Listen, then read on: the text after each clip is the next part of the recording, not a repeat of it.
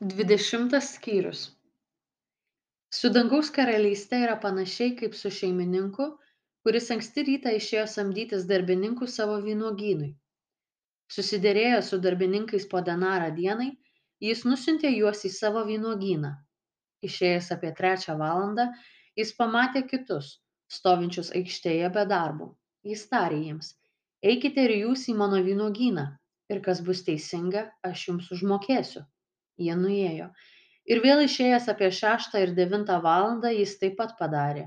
Išėjęs apie vienuoliktą jis rado dar kitus stovinčius be darbo ir sako jiems ko čia stovite visą dieną be darbo?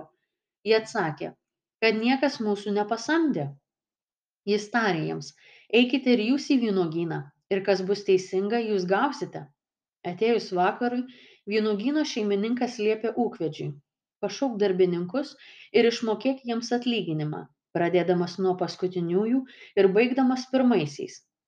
Atėję pasamdytieji apie vienuoliktą valandą kiekvienas gavo po denarą. Prisiartinę pirmieji manė daugiau gausią bet irgi gavo po denarą.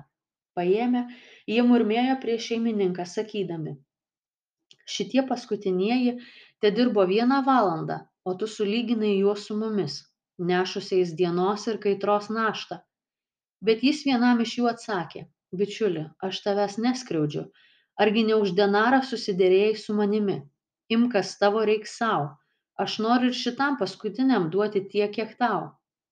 Argi aš neturiu teisės daryti ką noriu su tuo kas mano? Ar todėl tavo akis pikta kad aš geras?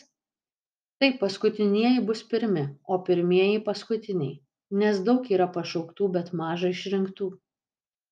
Išvykdamas į jeruzalę jėzus pasiėmė skyrium dvylika mokinių ir kelyje kalbėjo jiems.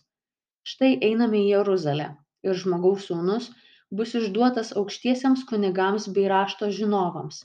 Jie nuteis jį mirti atiduos pagonims tyčiotis nuplakti ir nukryžiuoti. Ir trečią dieną jis prisikels tada prie jėzaus priėjo zebediejaus sūnų motina kartu su savo sūnumis ir pagarbinusi jį ėmė kažko prašyti. Jis paklausė jos ko nori? Toji atsakė leisk kad šitie abu mano sūnūs tavo karalystėje sėdėtų vienas tavo dešinėje o kitas kairėje. Jėzus atsakė nežinote ko prašote. Ar galite gerti taurę kurią aš gersiu ir būti krikštijami krikštu kuriuo aš krikštijamas. Jie atsakė galime. Tuomet jis tarė mano taurę tiesa gersite ir krikštu kuriuo aš krikštijamas būsite pakrikštyti. Bet vietą mano dešinėje ar kairėje ne aš duodu. Tai bus tiems kuriems mano tėvo paruošta. Tai išgirdę kiti dešimt mokinių supyko ant dviejų brolių.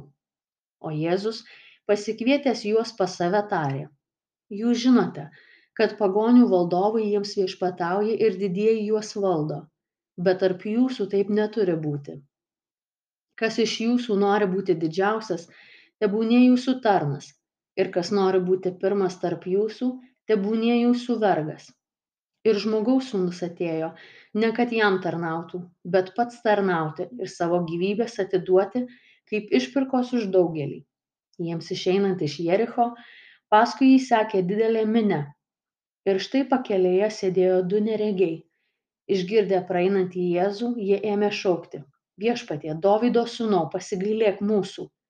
Minia draudė juos kad tylėtų bet anie dar garsiau šaukė viešpatie dovydo sūnau pasigailėk mūsų.